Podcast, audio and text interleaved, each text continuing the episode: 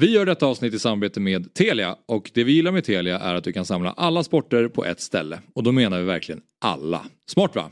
Nu när Premier League har dragit igång så kan du följa ligan och du kommer kunna följa Champions League när det drar igång samtidigt som du kan följa slutspurten i Allsvenskan och gruppspelet i SHL. I grymma appen Telia Play kan du se alla sporter och matcher live eller i efterhand om du skulle vilja. Och skulle du vilja råka vila lite från sportvärlden kan du självklart följa alla filmer och serier som finns hos Viaplay, TV4 Play och Telia. Du kan också lägga till allt från HBO Max utan extra kostnad. Jajamän, och priset då? Jo, det kostar bara 649 kronor i månaden vilket gör att du sparar över 500 kronor jämfört med att köpa tjänsterna separat. Så, att samla sporten smartare och dessutom spara en massa pengar. Ja, det är Telia.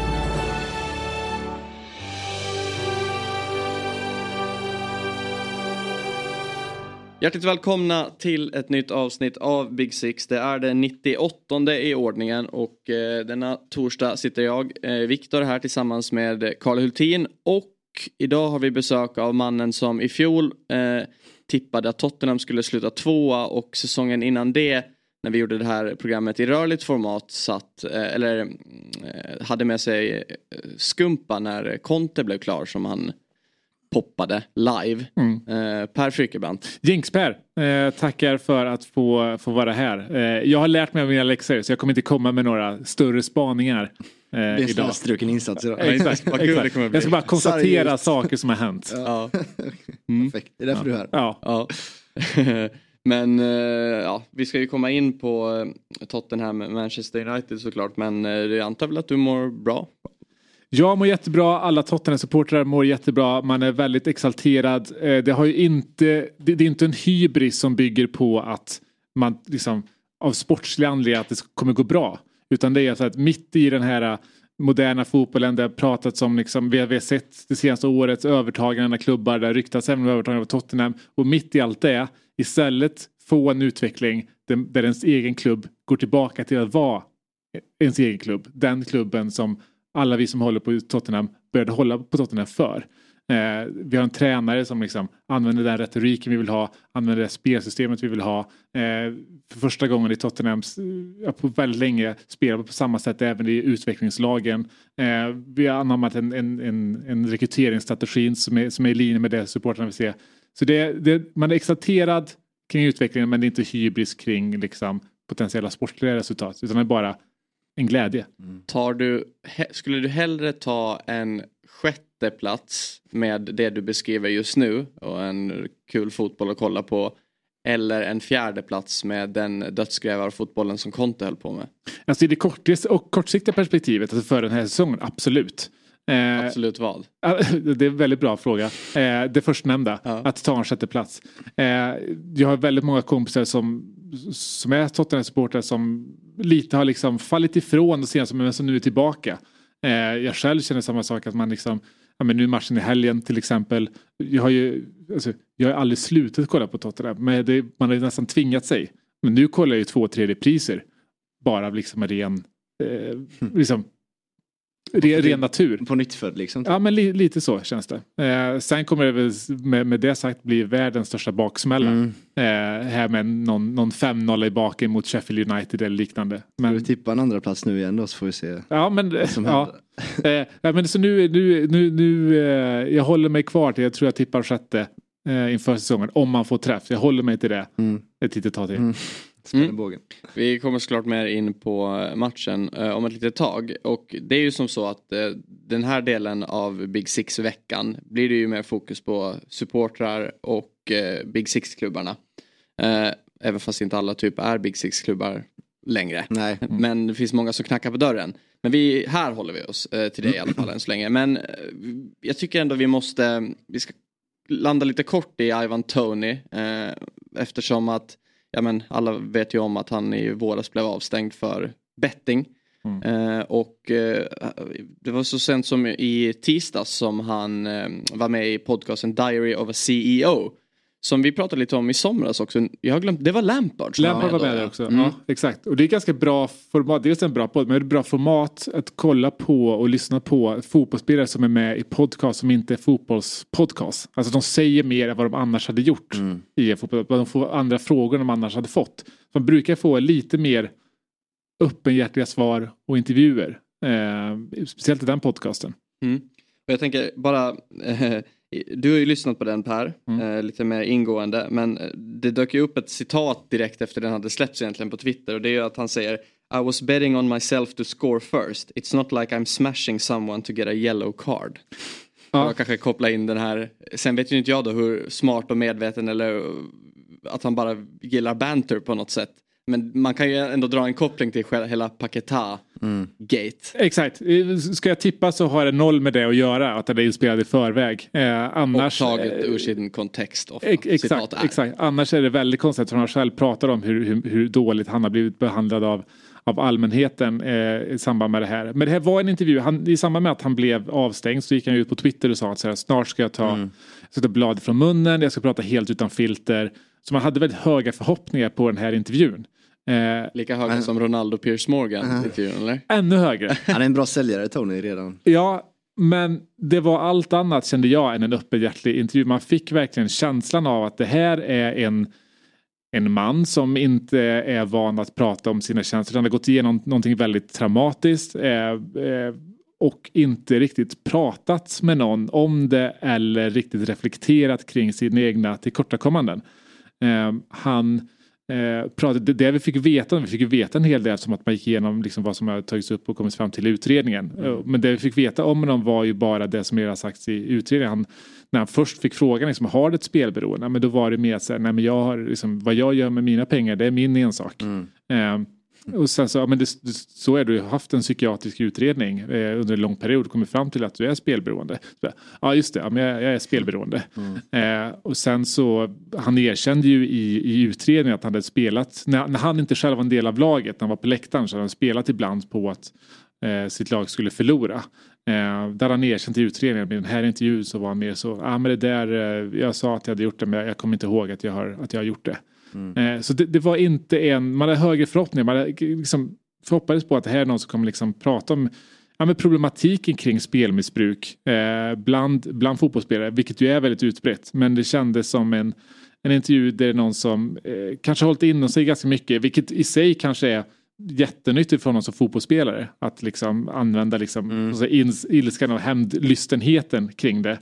Eh, men han pratar ju också kring att så här, han visste inte om att han gjorde fel. Att man inte fick göra så här. För det är ingen som har berättat för honom att man inte får göra så här. Han sa bara så ah, jag var naiv. Ja, men då är det så här, men det där är ju en, alltså det, det där är ett skolbarn, en skolbarns ursäkt. Mm. Ingen sa att jag inte fick göra det här.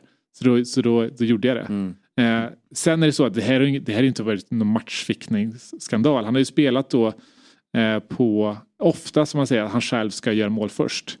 Och där tycker jag att så här, eh, jag menar det är ju det är inte jättemoraliskt fel kanske men det har ju en konsekvens på en matchbild. Mm. Så det är ju det är ju fel. Alltså, nu är väl reglerna som så att du får inte spela på eh, överhuvudtaget. överhuvudtaget. Och det är väl rimligt. Men mm. jag, jag, tycker att det enda som är moraliskt rätt är ju bara om du spelar på att ditt eget lag vinner. Mm. Allt efter det mm, är fel. Och det tycker jag att han borde ha förstått. förstått ja minst sagt. Men han pratar väldigt mycket om att man inför varje säsong, eh, lag även i liksom när han spelar Northampton och sådär, att man inför varje säsong får besök från spe, spe, eller personer som ja, pratar om spelmissbruk. Eh, så det var väldigt tydligt med. Men att då också säga att här, man är ansluter med de här aldrig har sagt vad man får och inte får göra. Det känns lite... Han lyssnar inte så mycket på dem. Nej, det känns inte så. Mm. ja, men det ska, det ska bli, alltså i januari, intressant vad som, vad som händer med honom när han får börja spela igen. Jag, menar, jag läste lite rykten igår att Ten Hag ska vara intresserad av honom och att han vill värva ytterligare en striker. Det kan man ju förstå. Nu har man inte sett Rasmus Höjlund än men det är fortfarande en mm. 20-årig dansk som man inte, kanske kan förlita sig på. Jag menar, han visade ju ändå under fjolåret att det är en han är en bra anfallare. Mm. Ja exakt. Alltså, nu 20, är det så... 20 mål i en, i en mittenklubb i Premier League. Precis. Alltså, varenda eh, Big Six-lag. Det var bara Kane som rå på det. Ja, ja men varenda Big Six-lag just nu behöver ju en ny mm. nia ja. i princip. Eh, sen så tror jag, jag tror att det finns fler saker kring hans karaktär som kanske har, har liksom väckt frågetecken eh, innan. Så att, eh, jag är lite osäker på att någon kommer nappa men det är klart så att säga, med tanke på att varenda lag i princip behöver en ny nia så kommer nog, kanske inte hända i januari men till sommaren. Om man, om man, gör, om man gör tio mål Mm. från januari framåt så borde det ju det bli en flytt ändå. Ett annat som har ehm, kommit nyhetsväg då sen eh, Jesper och Björn eh, poddade och pratade eh, ner helgen så McAllister, de pratade ju en del om McAllisters röda kort att det, det finns ju säkert ganska mycket i regel, eller obviously mycket i regelboken som, som stärker att det ska vara ett rött kort när han går in med dobbarna först i en Mm. duell. Men nu har ju den bannen då på tre matcher hävts så han kommer ju få spela igen till helgen. Det känns väl ändå?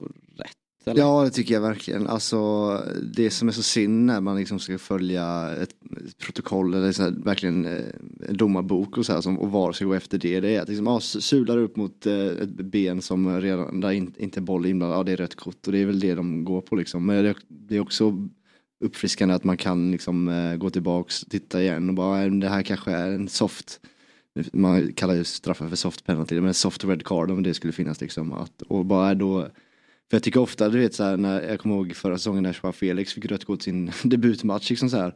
Och det blev tre matcher direkt. Att det, jag tycker den avstängningen alltid, tre matcher, den måste försvinna också. Att man måste kunna dela upp det. Ja, men det att se det i en match, två matcher eller tre matcher som, som maxstraff liksom. Alltså du menar om en, att det, är, det kan vara en tackling som är rött kort men att det inte ska ändå bestraffas. Ett direkt rött ska kunna straffas med en match. Ja exakt, att man måste kunna se skillnader på röda och röda kort. Liksom. Att det, alla röda kort, direkt röda, inte ska bli tre matchers avstängning. Liksom. Det tycker jag är överdrivet. Eh, och nu- Jag, hör- jag hör vad du säger Ja. men det känns ju också som att det kommer bli en djungel av tolkning. ja, men För ytterligare en Det, kommer, det måste ju fortfarande finnas ett, liksom en skillnad mellan att få två gula Mm. och ett rött, vilket är en match, och ett direktrött. Alltså direktrött måste ju ändå få lite mer konsekvenser. Sen har jag helt med om att det är väldigt stor, alltså, ett, ett rött kort kan se väldigt olika ut. ja. Eh, men i det här fallet så känns det som att ja, men det blir både rätt och fel på samma gång. För jag håller helt med om att det röda kortet i matchen är ett väldigt hårt Det är rött absolut kort. ett andra gula, men det är inte direkt rött. Eh, precis, och, men att man då, man, då, den domaren ger ett direkt rött. Mm. Sen kollar man via VAR och håller fast att säga ja visst det är förmodligen ett, ett ganska hårt rött men det är ändå ett Det rött kort. för liksom. Och sen då i efterhand en, en, en tredje domare får kika på det och säga så här, Mm. ja men det var nog inte rött kort.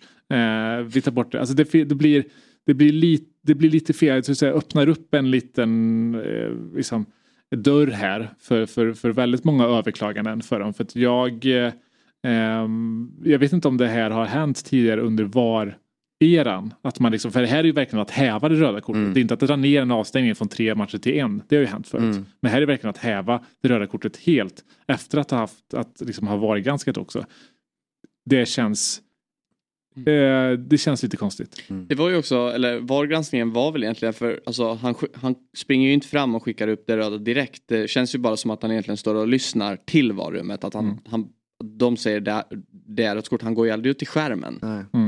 Det tar ju en stund innan det kommer för han blir, ju- han blir väldigt, ja, så, såklart de flesta spelare som visas ut brukar ju Mm.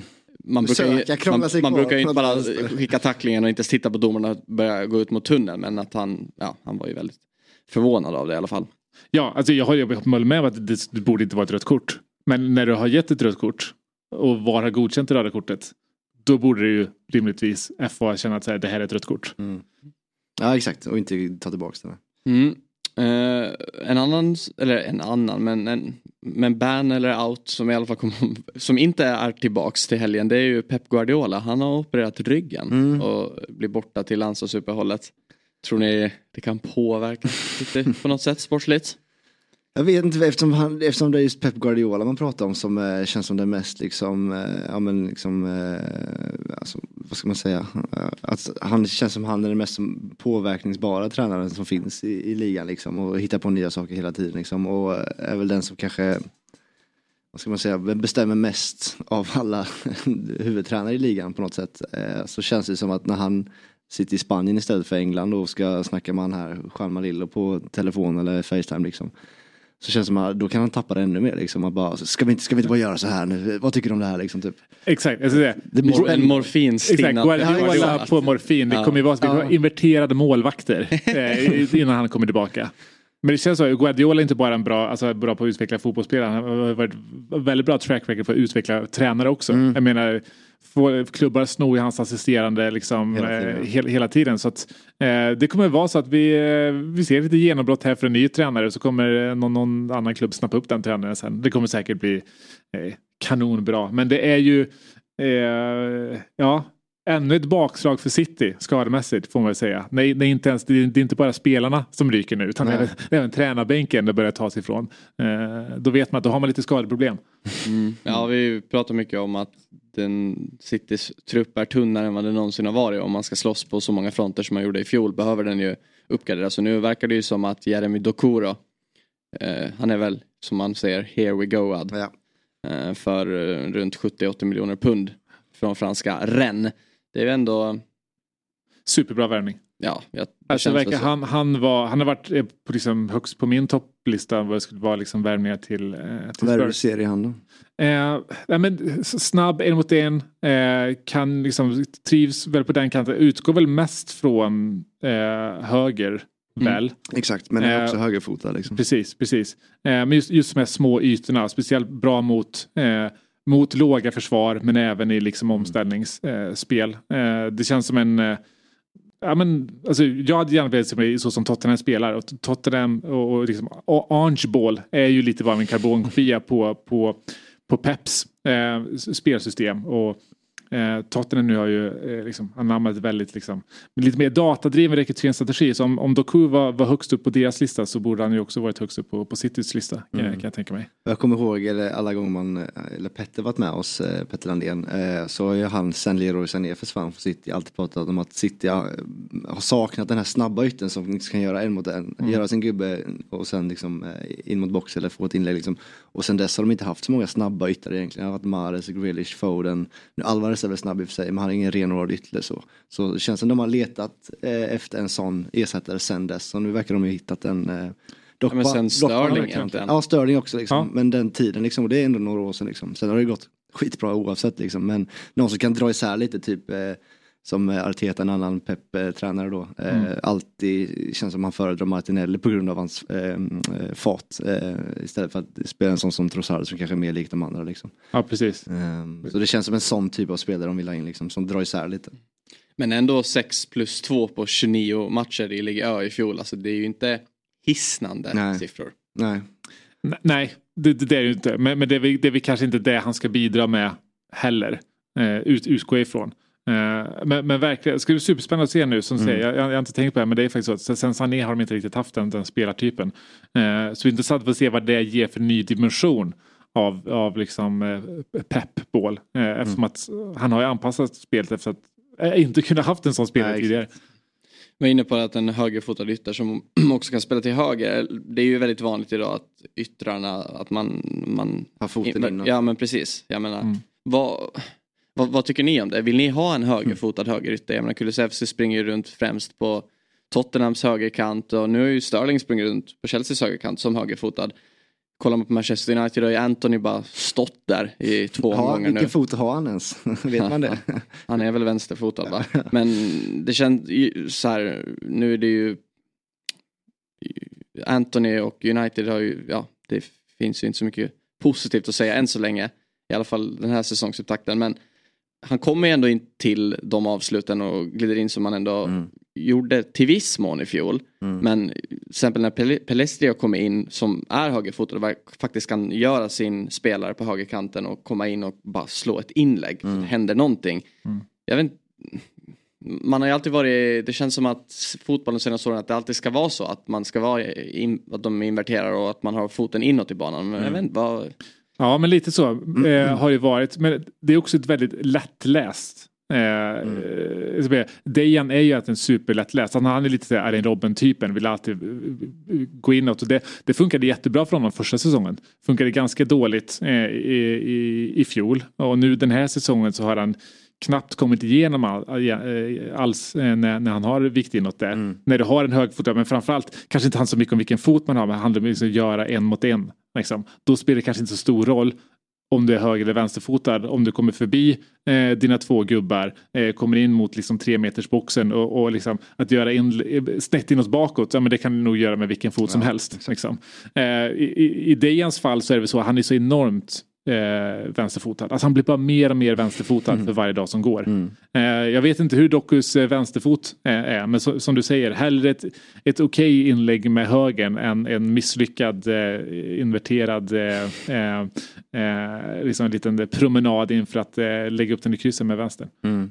Samtidigt så är det väl liksom, du sa att Angie Ball är ju liksom inspirerad av City och, och Pep där och de, de har ju senaste åren, liksom, och Arteta också, med, jobbat med sina inverterade ytterbackar liksom Mm. och de går ju ofta in i banan nu, det har man ju sett Emerson och eh, Udogie Udogie, ja. och alla i Tottenham också göra nu liksom. Och då kanske man istället vill, för att Grealish i City har ju varit en väldigt eh, wide liksom, ytter, liksom, hållit, hållit bredden mycket. Det är kanske tanken med Doku också och sen så ta in sina ytterbackar istället liksom, om, det är, om det är tanken bakom det. Så kan det nog absolut vara. Eh, Dejan slickar ju väldigt mycket kant Mm. för att vara vänsterfotad. Mm. Eh, och sen så kollar man de målen Tottenham har gjort. Eh, eller kanske ta i Brentford-matchen. Det är ju Emerson är ju inne och står på vänster sida Han av ju straffområdeskanten. slottet och skjuter. Som en tia. Ja. Liksom. Och det gjorde ju Porro i den här matchen Mm. eh, också. Så att, eh, det är sant, det är ju och, så, och då går ju innermittfältarna går ju mer ut och täcker lite högerbackens Mm. position.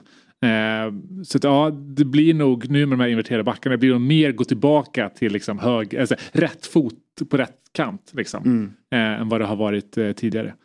Mm. Om vi går in lite på, på matchen då. Tottenham slår ju eh, United med 2-0. Det är En matchbild som, ja men Ernst Ball som du pratar om, det, det är ju upp och ner och ett lite mer slagkraftigt, eller jag vill inte säga slagkraftigt, bara ett United som hade varit lite mer disciplinerade i vissa avslutsfall, speciellt på huvudet kanske, hade ju kunnat gjort ett och två i den första halvleken och antagligen gett matchen en helt annan eh, bild. Vad, det är ju klart att du är nöjd med tre poäng men eh, Det är ganska. vad, ja, vad, vad är dina tankar med lite distans? Nej men det är att vi ser mer och mer eh, av den här Ernstbollen. Det är fortfarande inte riktigt det vi såg på försäsongen. Menar, då snittade vi liksom en, en 30 skott på mål i varje match. Där pratar vi, de siffrorna pratar vi inte om riktigt än. Ja men exakt. Och det är ju den här dumdristiga offensiva fotbollen Mm. nästan. För det är ju så, vi såg det väldigt mycket på Brentford, man släpper till otroligt mycket eh, eh, om kontringar mo- mot sig. Eh, det var inte United jättebra på att liksom utnyttja eh, i, i den här matchen. Eh, men det är ju ändå så att här, man, man, jag vet inte om vi ska kalla det kalkylerat, det är väl det. För det har varit två mål per, eh, per match. Här. Jag tror att man har liksom en växel till att lägga i rent, rent, rent offensivt. Eh, sen är det, jag tyckte att eh, United återigen tappar ju mittfältet. Eh, man gjorde det mot, mot, mot Wolves och då tänkte man att så här, ja, men det är ehm, jag förstår chansningen med att köra Mount och Fernandes i samma match mot Wolves. Mm. Nedflyttningskandidaten Mm. Wolves. Hemma. Mm. Eh, när man ställde upp på samma sätt i matchen mot, mot Spurs här så blev jag väldigt förvånad för jag tänkte att säga, men det var väl det här du försökte göra i början av förra säsongen. När Eriksen var lite mer progressiv och lite högre upp i banan innan han gick liksom längre ner. Mm. Eh, och det var ju inte bara det att, att Mount eh, liksom är, är, är svag defensivt utan han fick ju inte ens bollen för att göra det han hade tänkt att göra offensivt. Han fick ju liksom inga bollar att liksom fördela. Så, så då blev, då blev det liksom dubbelbestraffning av den taktiken. Lite grann. Eh, sen så gör ju såklart Spurs innermittfält gör en kanonmatch. Eh, jag menar Bissoma, det är ju helt eh, osannolikt vilken liksom, revival han har. Mm. När du kollar på hur sexor värderar på dagens marknad Ja, så är det ganska eh, sjukt att, att tänka sig att han gick för 25-30 miljoner för ett år sedan. mm. Eh, och så har du Sar eh, där också som ju får, får en, eh, ja men också en Han kanonmatch. kommer Han stora, från ingenstans ju. Han har man ju glömt inför den här säsongen. ja, nej men verkligen. Och båda de här två Båda spelarna. känns som två nyförvärv. Ja, Det Verkligen, för det är inte bara det att Conte inte maximerar de här spelarna. Alltså han pekade ut Bissoma som en spelare som man absolut inte kan lita på. Mm. Han klarar inte av det taktiska. Mm. Han använder honom som mest ibland för att hoppa in och använda som kon framför liksom backarna. Mm. Eh, Sar fick knappt ens chansen överhuvudtaget i fjol. Så det är inte det att eh, han inte liksom maximerade, inte riktigt såg storheten utan så här, han såg dem som dåliga fotbollsspelare. Mm. Och det är de ju långt ifrån. Och det är det jag gillar med det här systemet, att det är en ganska hög svårighetsgrad på spelet. Det kommer såklart också straffa sig. Men att ta spelare som är, det här är professionella fotbollsspelare. De har en väldigt liksom, hög högsta nivå i sig. Och att kräva liksom, höga svårighetsgrader av fotbollsspelare tror jag får ut ännu mer utav dem än när du försöker hålla dem tillbaka. Eh, och det, Bissoma, han har ju varit Premier Leagues bästa mittfältare hittills i år. I alla fall i den positionen. Mm. Ja, alltså det är lite skillnad ändå att se det centrala mittfältet med Sarr och eh, Bissoma än att se Höjbjerg och Skip. Lite annorlunda. Det är ju någonting annorlunda. Ja, visserligen fick ju Höjbjerg komma in och göra lite snurrfinter där på kanten. Mm. Han fick också feeling. Ja, exakt. Han fick också feeling. Eh, men det, eh, nej, och sen så ska det bli väldigt intressant att se då, Sarr såklart, alltså jättebra eh, eh, match av honom, men vi har ju Bentancourt eh, som ju var fjolårets bästa Var det spelare i Tottenham. eh, som rök där förra Precis, säsongen? precis. Och han ska vara tillbaka om ungefär en månad. Mm. Eh, så där finns ju lite sparkapital också. Sen gör United kommer till väldigt bra lägen ska ju göra. Du har ju skott i stolpen, ska ju göra kanske ett par mål. Du ska också ha en straff. Eh, visserligen också Tottenham men Ja. United ska ha en straff. Men Vicario i, i målet där gör ju en, en, en, en toppenmatch. Eh, har ju varit lite frågetecken kring honom såklart som det är Mm. när det är liksom en hyfsat okänd målvakt. Visserligen liksom en av Syrias bästa i fjol men ändå liksom för de flesta ganska okänd. Verkligen den typen av match han behövde Mm. också för att få, få förtroendet. Eh, för det, eh, det, var, det var riktigt bra. Jag tycker många, alla nyförvärv har egentligen kommit in ganska bra. Micke van der Ven eh, likaså. Man, när han kom in man pratar ju väldigt mycket om hans liksom, eh, fysik och hans snabbhet. Och är det man, enda man hör när man tittar man, blir väldigt, man blir väldigt orolig Ja. när det enda man hör om en ny försvarare Ja. är en egenskap som inte handlar om att han är en bra försvarare. Mm. Men med det sagt så så här, vi behöver verkligen den typen av fysik han har också. För att säga, eh, vi kommer ju dra på oss otroligt många omställningar. Kommer ju släppa in i alla fall XG-mässigt två mål per match. Mm. Eh, och det har faktiskt känts lite tryggare med honom eh, där bak. Nu var det kanske inte så många tydliga situationer men framförallt i Brentford. Det gör de visserligen mål på eh, två omställningar, eh, en, en blev straff. Men det känns lite tryggare med en som faktiskt har en speed som kan mäta sig med en snabb nia. Mm. Eh, du kan spela med lite högre svårighetsgrad. Då. Ja. Sen, sen så här, jag var väldigt förvånad när elvorna kom att Ten Hag valde att mönstra exakt samma elva som mot Wolves. Då, då, Exakt, Han såg den matchen och tänkte här behöver jag inte göra ja, nej, precis. Jag menar, det blev ju inget vidare i premiären men det blev ju ändå tre poäng. Men då kunde jag ändå på något sätt inför när man såg elvan, då, då gillade jag ändå den. Alltså, det, man trodde att nu kommer vi att styra den här matchen och det är ett offensivt präglat lag. Och det gör man ju i början tycker jag också. Att man, Jo, förvisso. Men, men att man ställer ut det borta mot Tottenham, det förvånade mig ändå. Speciellt med alltså så Ja men så vilsen Mount kändes i den där rollen. Varför sätta, sätta dit honom igen? Nu, nu verkar han ju bli borta till efter eh, uppehåll. Han drog på sig en skada i matchen. Det känns väl kanske som en räddning på något sätt. men jag Jag tror lite en blessing in disguise för United. Eh, att Ja. han drar på sig den. Att man går tillbaka lite så som man spelade i fjol på mittfältet. Annars är det ju, alltså, det var, jag, har inte haft, jag, jag har inte känt i mitt supporterskap att jag haft en spelare i klubben som jag verkligen wow tyckt om så på det sättet på ett tag. Såklart Rashford är ju ändå, men eftersom han är en local och allt han gör och varit Mm. väldigt bra. Men, men alltså, Onana, vad jag tycker, alltså, jag tycker om honom. Ja, men jag förstår att han är likable, alltså Ja. att man som supporter gillar honom. Ja men den där sekvensen, om var det i början av den andra halvlek det var i första, efter- det var väl efter en hörna och han står ju uppe på halva plan och Tottenham eh, rensar ju bara bollen och han bryter den och skickar en sån otrolig cross över till Garnacho. Och det där måste det hända mer. Alltså så här, det, mm, jobbigt. Ja, man har haft flera sådana bra crossbollar. Ja. Alltså man är verkligen, det är inte bara Det det att han är en bra med fötterna utan han är ju... spelet. Jag, jag tror, nu när Mount är skadad, sätt in någon annan där uppe. Det är lite liksom, likt som du sa med van de, vad heter han? Van de Ven, ja. Van de Ven, ja. Att så här, det enda man hör är hans fysiska attribut. Det är lite samma med Onana om hans eh, bolldistribution. Att, ja, han Exakt. är så bra på fötterna så resten eh, ordnar sig. Ingen till, har sagt att han är liksom. bra på att ta bollar. Nej exakt, det väntar man med Ja. innan man får se. Mm. Madison också, out. Eh, ja, det har ju inte kommit några liksom officiellt, något officiellt där. Men hoppade Eh, jag på kryckor. Han gick ju på kryckor, han sa att det var en försiktig åtgärd. Jag skulle vilja tippa på, och nu så det verkar lite snacket runt omkring är väl så här, det är inget allvarligt men att så här, han missar nog matchen i helgen och därefter är det liksom, är han tillbaka om jag läste någon tweet från någon journalist eh, som skrev att det var någon typ sträckning på, eh, eh, vad heter det, ytter, Mm. Vad heter det, Knäsen, den yttersta knäsenan. Ledbandet. Typ. Ledbandet ja, yttre ledbandet typ. Varsågod. Och att det, ja, tack, att det inte skulle vara liksom eh, av eller så utan bara en tän- tändning typ. Eh, Och då är det som du sa, han hade typ till och med kunnat spela i helgen men de väljer att så här, Precis. spara honom Precis. såklart. Hade det varit Arsenal hemma final eller eh, hemma. så hade han väl spelat. Ja. Eh, men, men ändå så det är fortfarande liksom oroande för det är ju, man märker i det här spelet, det, är ju, det här är ju det här är James Madisons lag. Mm. Allting går via honom. Och han har varit otrolig. Mm. Eh, det blir intressant att se hur han hur kommer fungera. Vi har ju Lo Celso som kan gå in i den positionen. Jag personligen vill ju gärna se Dejan i den rollen. För jag, Mm. tror ju, jag tror inte att hans framtid i Spurs är i den rollen han har nu. Jag hade velat se honom flytta ner i banan. Eh, och ta, den här matchen skulle kunna vara ett, en bra möjlighet för det. Sen tror jag väl att det kanske snarare blir så att det blir en, en, en fegare variant. Men det Ja. säger ju så mycket, alltså det är ju väldigt obvious egentligen men att om man, när lagen sitter från det centrala som nu Tottenham ändå hittills har gjort med Ja. Bissoma, Sarr, Madison då, då fungerar allt annat också.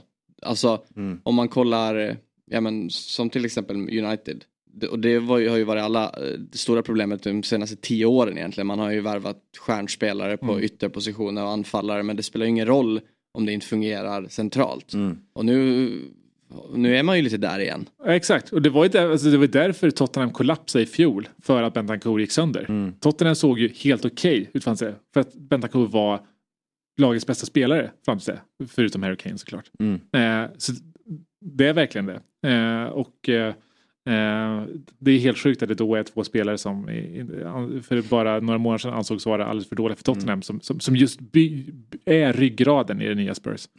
Jag undrar bara varför det inte stämmer för Richarlison än. Ja, alltså det, det är också frågan där hur, vad man ska sätta för krav på honom. Eh, det är ju så att han kommer såklart inte gå in och göra 30 mål. Nej, det... Eh, men man kanske heller inte ska förvänta sig 20.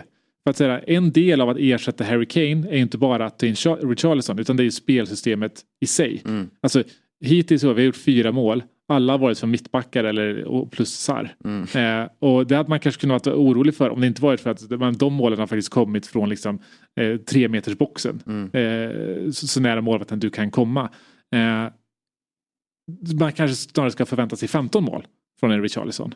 Och det som Richarlison har som är bra för honom är att säga, även om han inte producerar, så, så, ah, han är sån spelare som gör andra saker bra eh, liksom, ändå. Eh, sen är det såklart att det är lite oroande att man inte riktigt än hittar honom. Nej, Och jag det är tycker klart inte man ser att han liksom vet själv vad han ska vara riktigt eller hur det här eh, spelet ska fungera. Liksom så här. Jag Exakt. tycker inte han känns given som, som Nej. eh, Och jag tycker. Liksom. Det är nog genomgående hela laget. Man märker att så här, det finns ytor som det här spelsystemet öppnar upp som man inte riktigt utnyttjar än. Det finns löpningar som tas som inte får bollar riktigt Mm. än. Så det är så här, man ska nog inte döma honom riktigt än. För att det är såklart, det här är nu bara spelas två matcher med ett helt nytt spelsystem. Eh, så man ska ge det lite tid. Men jag tror, jag är också orolig för att säga man hade ändå kunnat förvänta sig kanske lite starkare närvaro i boxen. Mm. Så då hade man haft en lite tydligare sån tank.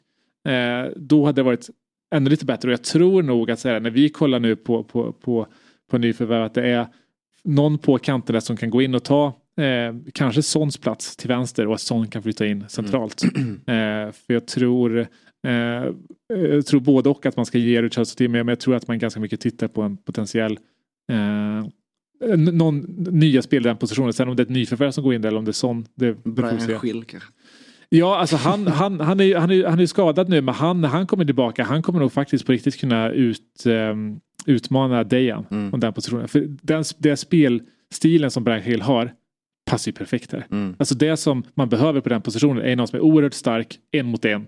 Små, eh, li, li- liten kvick, snabba fötter, små, små, när, folk, eller när, lag kommer backa hem. För det kommer man göra nu när, när, när, ett lag som Tottenham har 60, 65, 70 procents bollinnehav.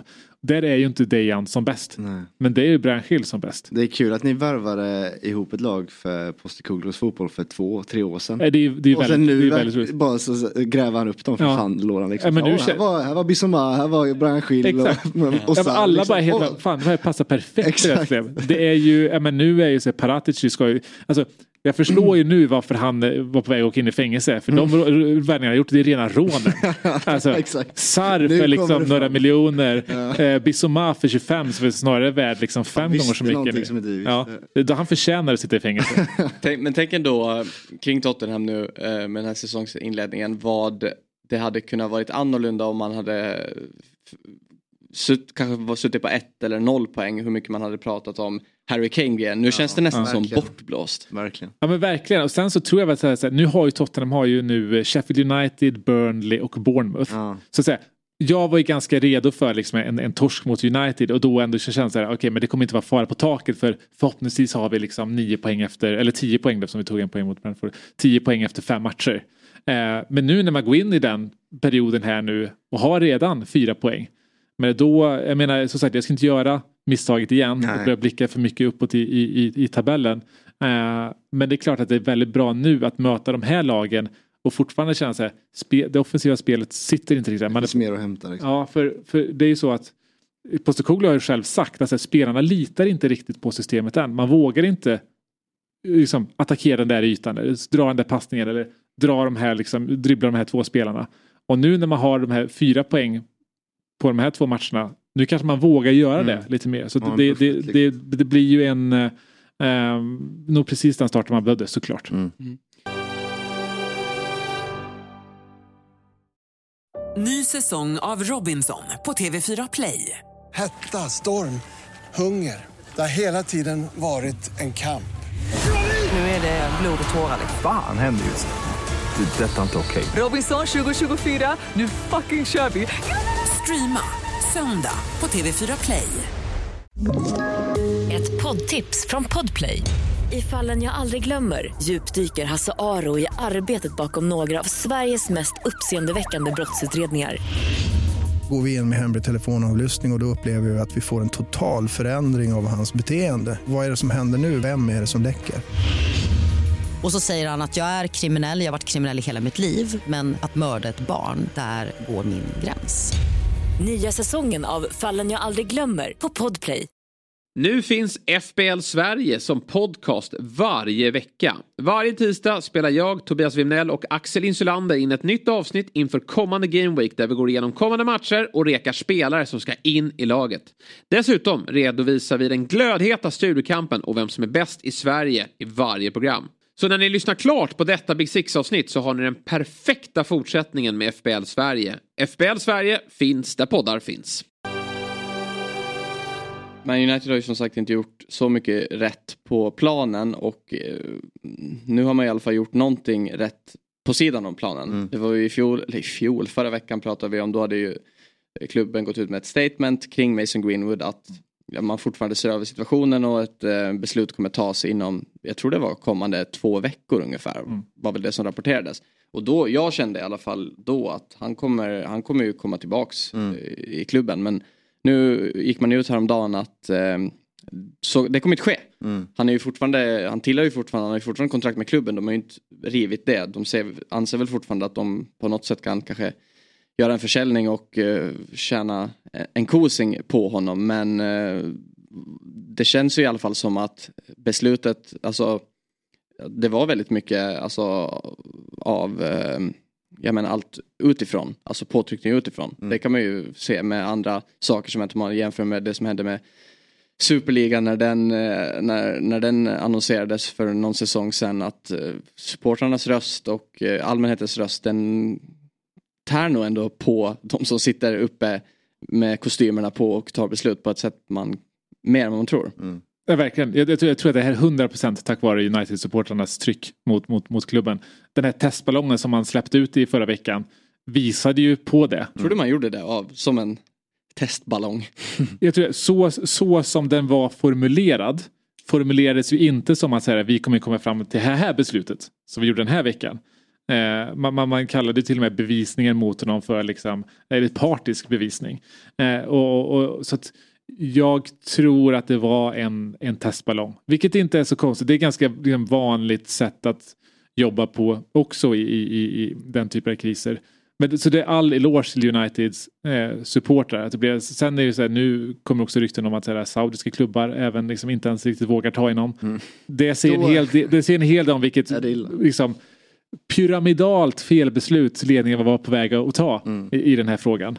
Eh, och det, men det är väldigt viktigt och väldigt bra att man har tagit det här beslutet för det här är ju första gången mig veterligen som en klubb har liksom tagit händerna ifrån en, en så här så stor spelare ändå för ett fall där det liksom, man inte riktigt kan luta sig tillbaka mot ett, ett, ett, ett, ett, ett rättegångsbeslut. Så, utan att man rent för att säga det här representerar inte våra värderingar.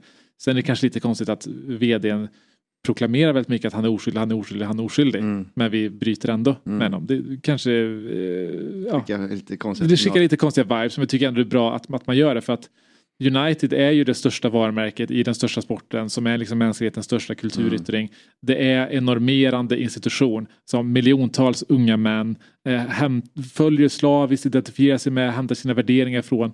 Eh, och det är väldigt bra att fotbollsklubbar av den här digniteten nu äntligen inser att man är mer bara en fotbollsklubb.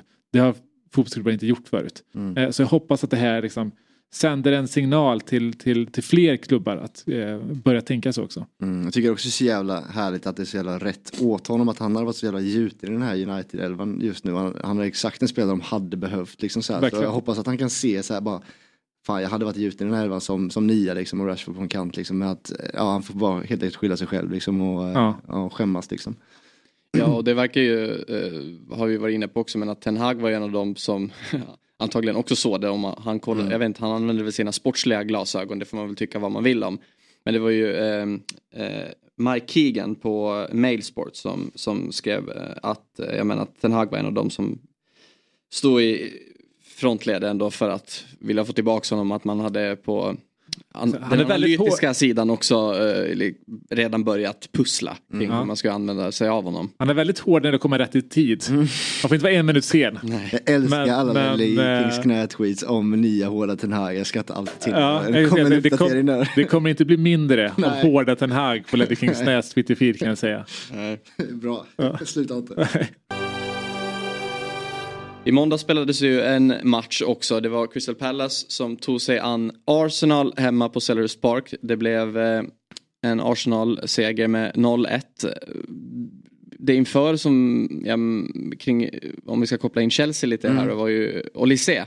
Som, han var ju i princip också here we go ad, eh, förra veckan. Men från ingenstans skrev på ett nytt avtal med Palace. Ja. Jag tyckte det var väldigt kul eh, när eh, Palace slutet en Instagram-post med förlängningen med, det, med lite highlights på honom och sådär. Så då använde de sig av en låt som heter Chelsea Dagger. Mm, det är en klassisk eh, britpop-låt Ja. liksom, som, är, som är bra. Ja, det- det- det är en bra låt. Men sen så Mm. titeln passar ju orimligt bra till liksom, eh, ja, som en passning till oss liksom. Men det, det jag hörde var, eller så här, det man läste till var ju typ att det var, det var något speciellt med hans utköpsklausul typ. Det var inte bara, det var typ att spelare fortfarande kunde välja eller så här. Att det var typ en personlig utköpsklausul eller någonting. Eh, och att Chelsea var typ rädda om att gå över, bryta någon regel om liksom, ja, du aktiverar den typ. Så. Rädda för att bryta regel? ja exakt, nej men mot... Va? Nu, nu har jag hört allt.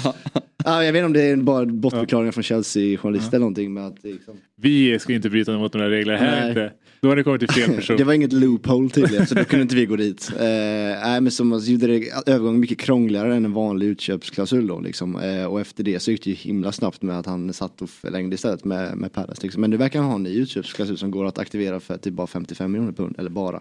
Men det, det Eh, verkar ju rimligt att det var något Liksom. konstigt med det, eftersom att säga, den utköpsklausulen hade väldigt konstigt om ingen har triggat Exakt. den under den här sommaren. Ja. Så bra spelare som han är, det, alltså, det var en löjligt låg summa. Ja, sen är han förvisso skadad men ändå det handlar om någon månad. Liksom, typ. Så att det var någon, det, är något konstigt med, med hela situationen. Typ. Eh, ja.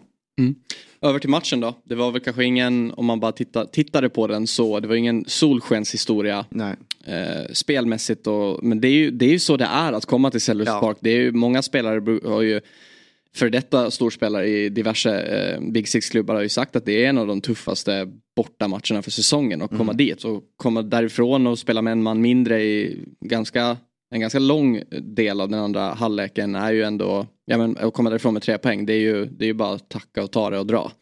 Ja, ingenting förändras ju någonsin på Sellers Park. Det är liksom, Ayew är fortfarande Eduard i någon oklar roll. Hodgson är- Eh, Roy Ja, det är väl att Zaha inte kvar då? Exakt, det är det Ja. enda som är. Men i övrigt samma Roy Hodgson står där. Ja. Joel Ward som högerback, liksom, man bara hur liksom, orkar du springa upp Exakt, ute, liksom? exakt. Det är otroligt. Eh, men det är väl, så här, det är klart, Arsenal hackar ju absolut. Men man får ändå säga att det är liksom ett styrkebesked att Ja. sett ganska svaga ut i inledningen, fortfarande stå på sex poäng.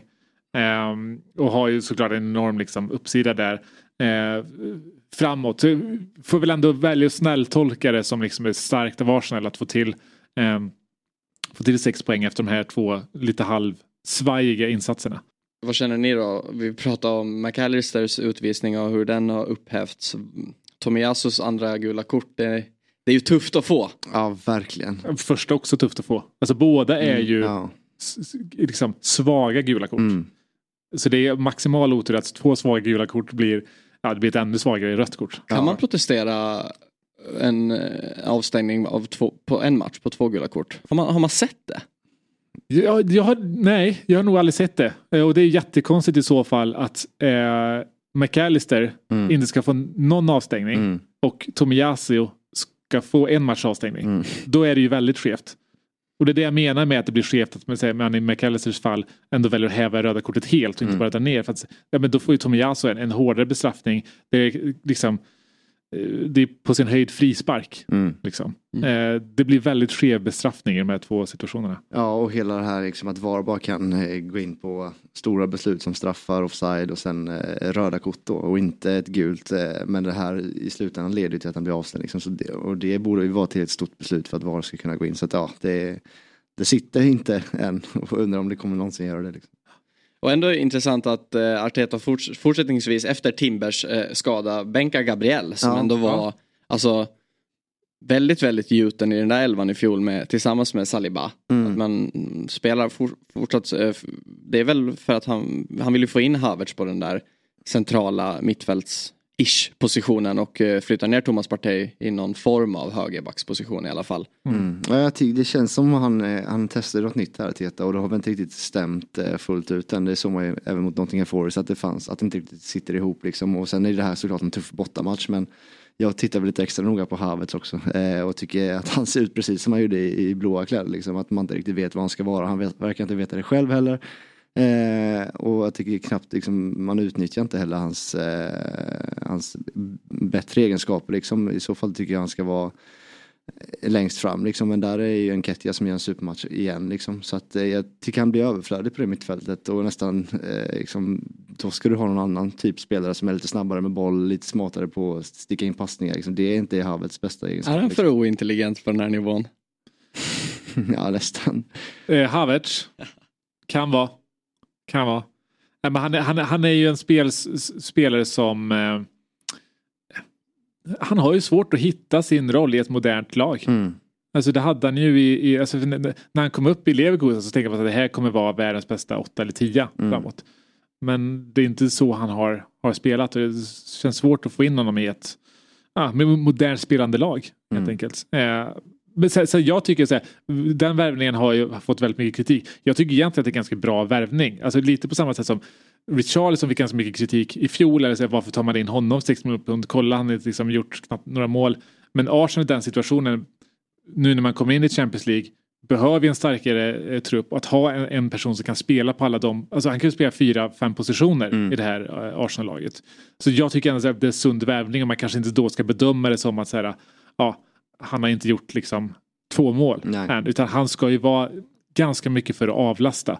Och då behöver du nog betala en premie för att hitta en spelare som kan avlasta på så många positioner på en så här habil nivå. Mm. Problemet jag känner är liksom, han har inte liksom Saka, Ödegaard eller Martinellis teknik eller snabbhet eller finess typ för att så här, lösa sig ur krångliga situationer. Sen har han inte heller liksom det här eh, det grisiga i sig. Han är inte så tuff, han är inte så ful för att vara en ensam striker heller liksom. Och det är det som gör att man inte riktigt ser vad han ska spela typ. Så att jag tycker det är en dyr överflödig spelare då som inte, liksom, eh, som inte är bättre än det de redan har liksom.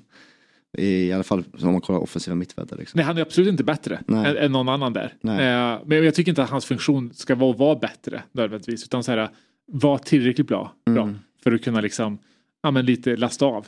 Kanske inte så mycket handlar om att, jag trodde kanske inte han skulle spela så mycket nu. Utan så här, ja, men när, när Champions League drar igång, att han får spela liksom mycket i oktober, november, december. Liksom den klassiska liksom, rotationen. Mm. Lite- Så lite förvånad att han spelar så mycket nu. Mm. Ja, det ska bli intressant att se hur, eh, hur länge Arteta fortsätter på den här inslagna vägen eller om man går tillbaks till mer likt Arsenal spelade i fjol. Mm. Innan vi avslutar för dagen då så har vi tagit ut en veckans Big Six 11 som jag tänker att, eller vi tänker att vi ska göra varje, varje vecka nu framöver. Det är idag en, formerar vi den i en 4-3-3. Och eh, Per, vi hade inte så mycket, du var ganska säker på vem du ville sätta, sätta i buren. Vicario. Vikarien Vicario. Nej men kollar man eh, Big Six-lagens prestation den här helgen. Känns den... Eh, ja, det känns given. Ja, jag håller med. Mm. Till höger då, eh, i fyrbackslinjen, Kyle Walker.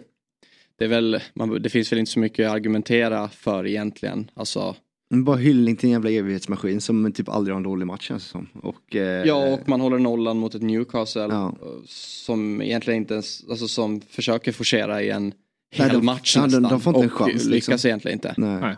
Gordon hade det ju knepigt. Han har haft det knepigt Det- eh, länge men han hade väldigt knepigt i den här Det matchen. gläder mig också. Ja, Aldrig det- gillat honom. Mittbackspar då, Akanji Saliba. Ja, Absolut. Saliba går verkligen från klarhet till klarhet. Han är otroligt bra i den här matchen och han är nog Premier Leagues bästa mittback. ja, jag håller med.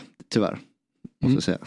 Och till vänster då i backlinjen, en, eh, det är ju ändå en, det är ändå en uppstickare får man ändå säga. Ja. Som kan bli ett rejält utropstecken den här säsongen.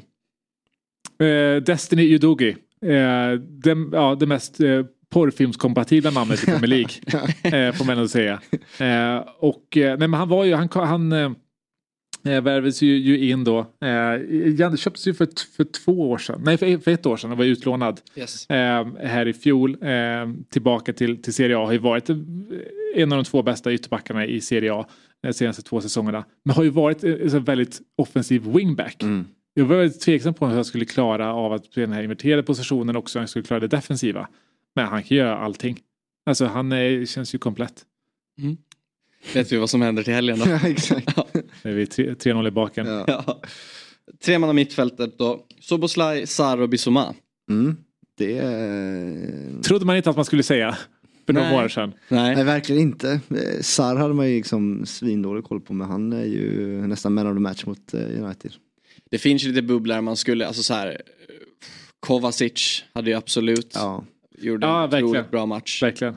Men eh, ja, jag vet inte. Som ofta faller lite i glömska, Kovacic liksom. Eh, Trots att han är så Ja men det bra. kan vi verkligen prata tycker jag om en komplett fotbollsspelare. Eller allround är väl kanske ordet jag, jag söker Mm. efter mer. Och, och, och med Sarr där, jag menar vi pratade om Richardsons mål förut. Jag tror att säga, eh, jag tror man ska räkna med att tio mål för Tottenham kommer komma från den liksom innermittfältspositionen som Sarr, har. Alltså, kanske inte så här, eller den som en spelar där.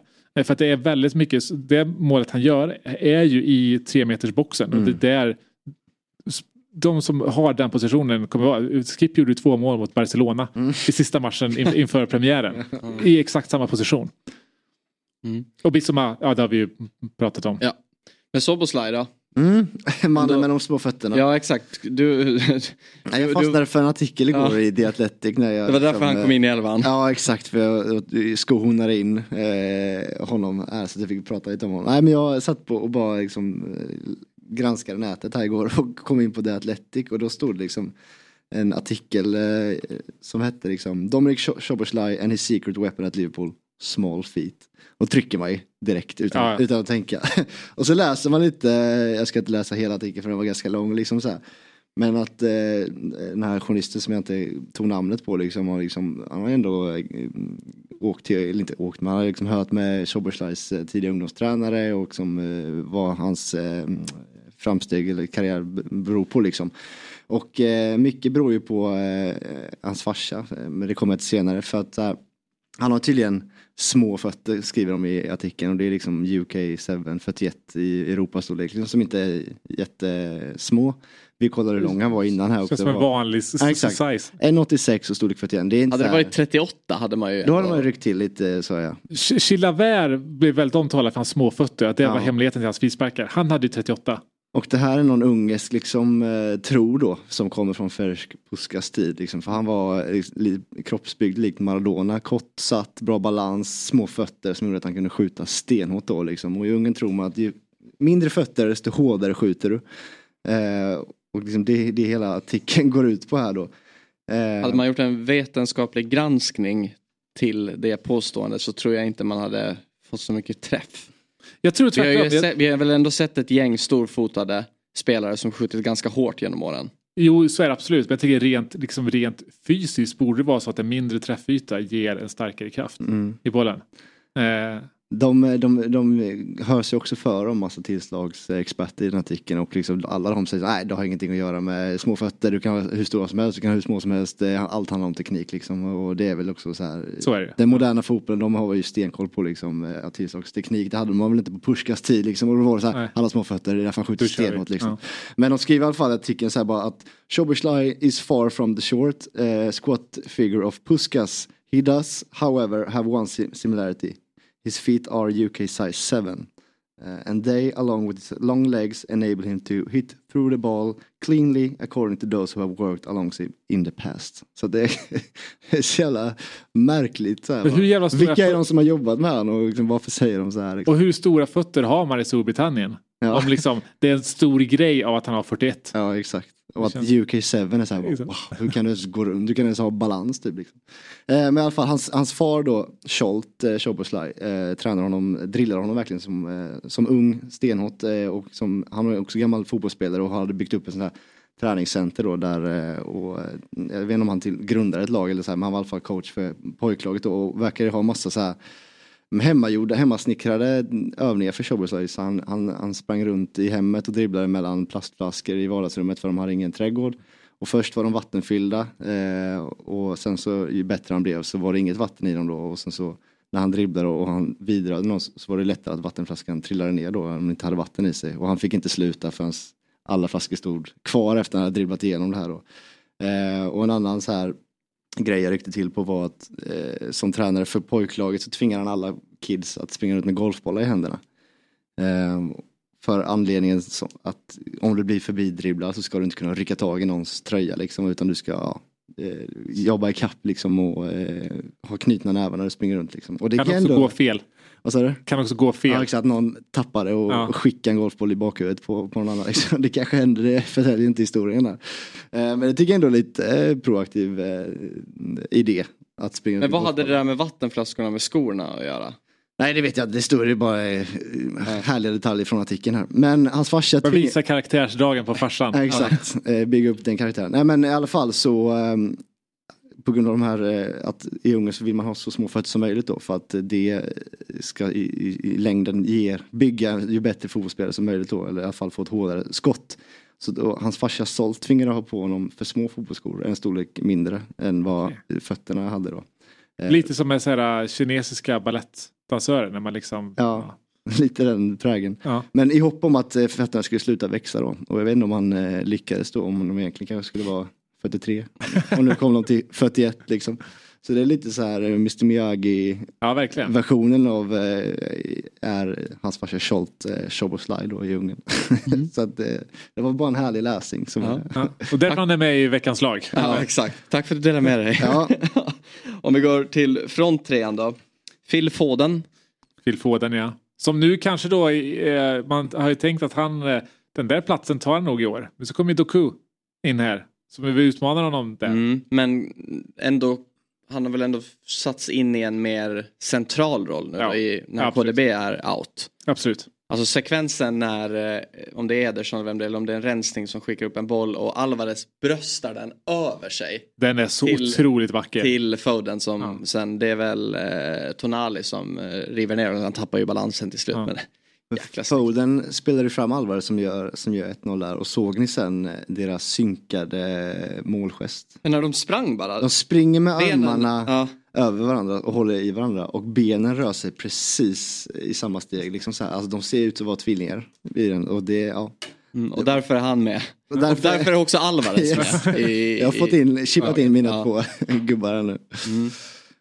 Och sen då till sist då, ute till vänster, Luis Diaz. Mm. Samma sak där. Han, han slår sig in i det där eh, anfallet nu. Han, han gör ett fantastiskt mål. Också hemmasnickrad eh, version, liksom, eller teknik på målet. Chippa upp den till sig själv och Ja, exakt. och Vad han för skostorlek? Han känns som att han har mindre skor än vad... UK size 6 Ja, kanske. exakt. Jag ska Läs mer om detta i Athletic nästa ja, vecka. jag ska göra ett ännu större gräv och komma tillbaka med alla spelares ja. skostorlekar till nästa gång som är med i vår elva. Liksom. Ser jag fram emot, kan knappt bärga mig. Ja. Ja, det var allt eh, vi hade för idag. Tack Karl, tack, Per. Eh, Tack. och Big Six är ju såklart tillbaka på måndag igen med Jesper och Björn. Eh, håll utkik då i era poddspelare. Hej då!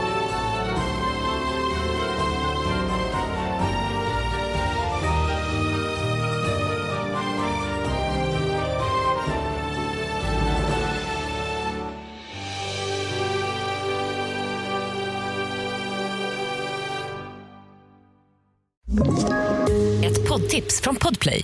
I podden Något Kaiko garanterar östgötarna Brutti och jag, Davva, dig en stor dos skratt.